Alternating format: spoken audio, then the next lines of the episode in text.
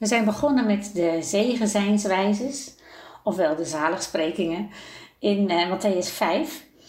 En de eerste is gelukkig wie nederig van hart zijn, want voor hen is het koninkrijk van de hemel.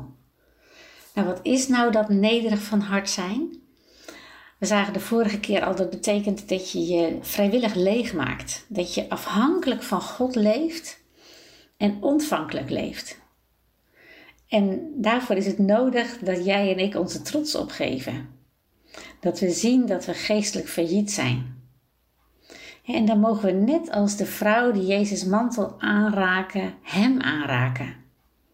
En door Hem innerlijke genezing en kracht ontvangen om verleiding te weerstaan, om angst te overwinnen. Dus dat geldt ook voor jou en mij vandaag. Laten we uitreiken en Hem aanraken. Nu.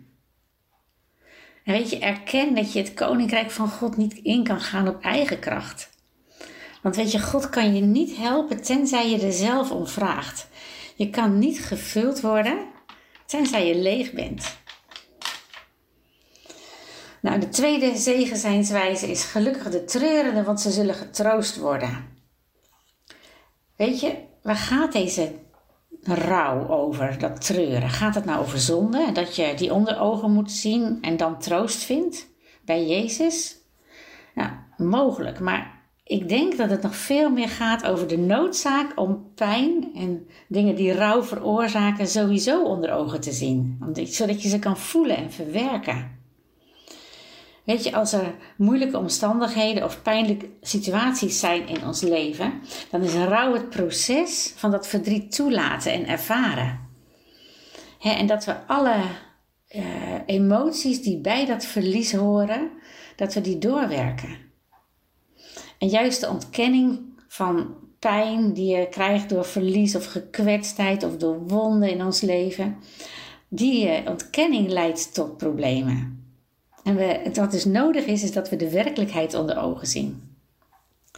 Een psychiater zei eens: mensen kunnen niet al te veel realiteit aan. En dus rennen ze naar de gemakkelijke weg van ontkenning.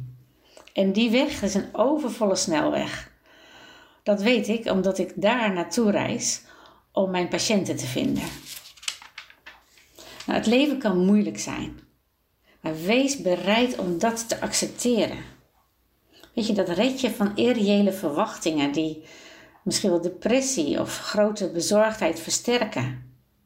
En als er moeilijkheden zijn, wees dan niet verrast. Maar zie de realiteit onder ogen in het vertrouwen dat wat er ook gebeurt, God het ten goede kan keren. En zo bidden we, Jezus, maak onze harten leeg. Help ons om onszelf helemaal leeg te maken voor U zodat u ons kunt vullen. Dat u ons kunt vullen met de kracht en het denken en het voelen van het koninkrijk. En dat u ons kunt troosten in onze pijn en verdriet. Hier zijn we, Heer. Doet u het in ons. Dank u wel.